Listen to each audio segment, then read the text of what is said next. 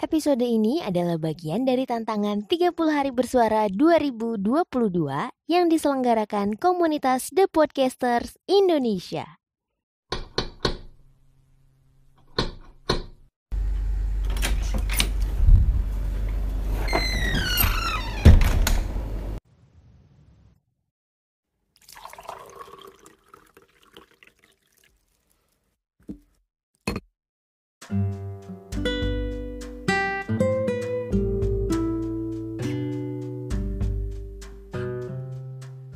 Halo teman sehati, ketemu lagi di edisi hari ini.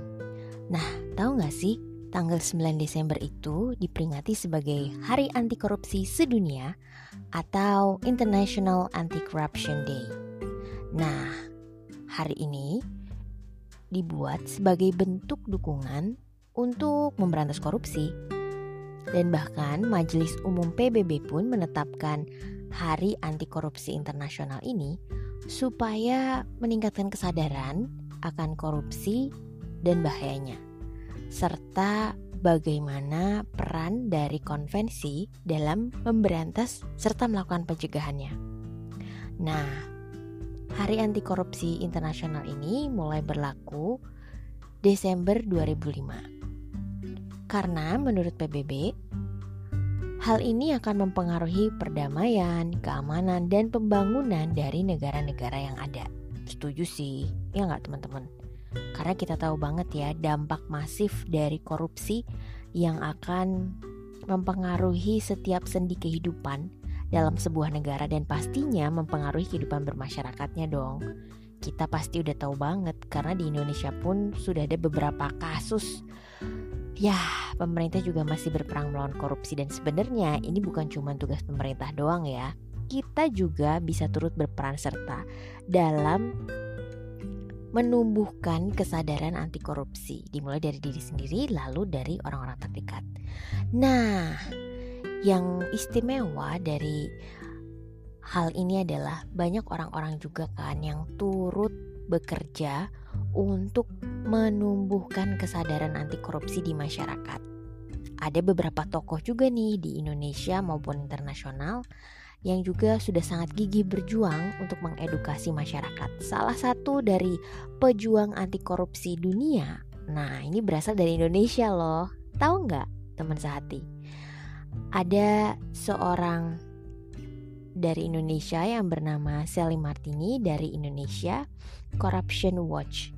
Nah, beliau menjadi pemenang dari International Honesty Award 2014 mengalahkan tiga nominasi lain dari negara-negara yang lain juga loh. Wah, luar biasa sekali ya semangat dari Ibu Sally ini. Bahkan sampai mendapatkan penghargaan dari International Honesty Award. Wow, sebuah prestasi yang membanggakan, tapi terlebih juga semangatnya beliau untuk terus menyuarakan gerakan anti korupsi. Nah, beliau ini juga belusukan loh dalam mengawal isu-isu pemberantasan korupsi khusus di bidang lingkungan dan kehutanan yang mana di Indonesia isu lingkungan dan kehutanan ini juga sangat urgent ya supaya menghindari kerusakan hutan kita yang lebih parah dan juga untuk melindungi flora dan fauna yang ada. Nah, gimana nih teman sehati? siapa tokoh yang juga berkesan dalam hidup teman sehati dan memberikan dampak positif untuk sekitarnya. Pasti ada dong. Atau bisa jadi teman sehati juga menjadi salah satu orang yang bisa menginspirasi. Baik itu lewat kehidupan kita sehari-hari atau apa pun yang sedang kita kerjakan.